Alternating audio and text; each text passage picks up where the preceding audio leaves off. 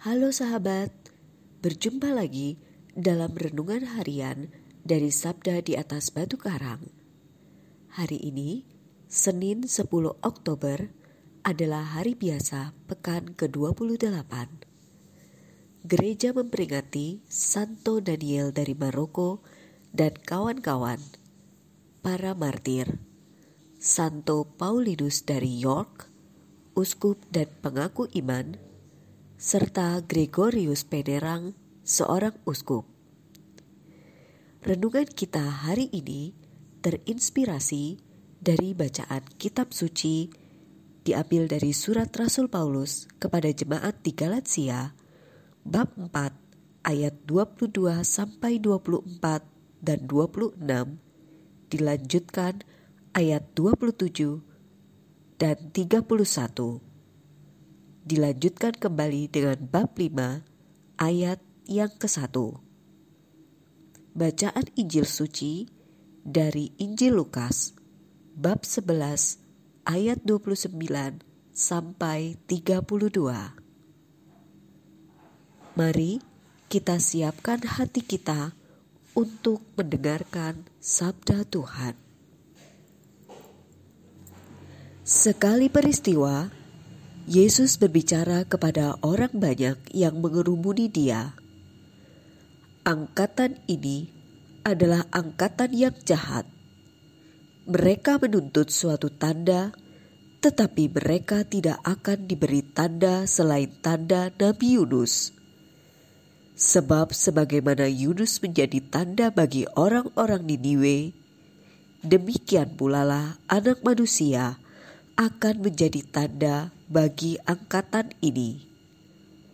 Pada waktu penghakiman, ratu dari selatan itu akan bangkit bersama orang dari angkatan ini, dan ia akan menghukum mereka, sebab ratu ini datang dari ujung bumi untuk mendengarkan hikmah Salomo, dan sungguh yang ada di sini lebih besar daripada Salomo. Pada waktu penghakiman, orang-orang Niniwe akan bangkit bersama angkatan ini, dan mereka akan menghukumnya. Sebab orang-orang Niniwe itu bertobat waktu mereka mendengarkan pemberitaan Yunus.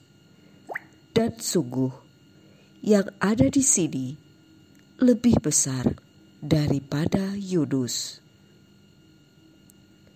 Demikianlah sabda Tuhan. Terpujilah Kristus.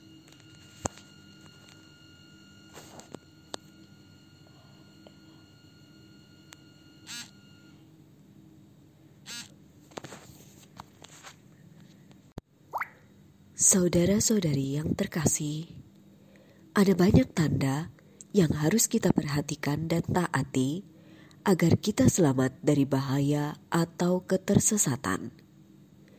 Jika kita melanggar, maka akan mengalami hal-hal yang merugikan diri sendiri.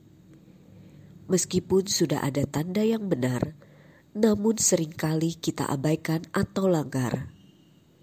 Lalu, apa tanda yang benar agar hidup beriman kita mengarah kepada keselamatan hidup kekal?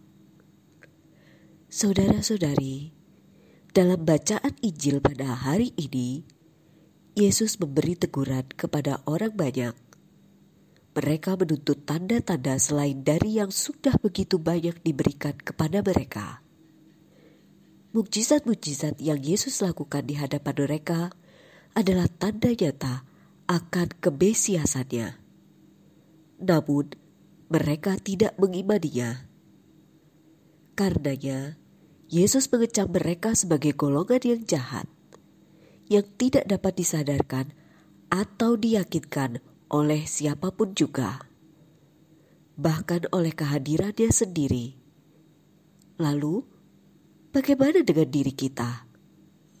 Adakah kita juga masih termasuk orang yang membutuhkan tanda-tanda nyata agar lebih percaya kepada Yesus Sang Mesias? Saudara-saudari, sebagai orang Kristiani, kita tahu bahwa Yesus adalah tanda nyata dari Allah.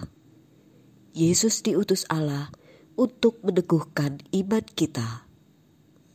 Semoga dengan terang Roh Kudus kita percaya akan Kristus yang wafat, bangkit dari antara orang mati. Dialah tanda nyata yang harus kita imani.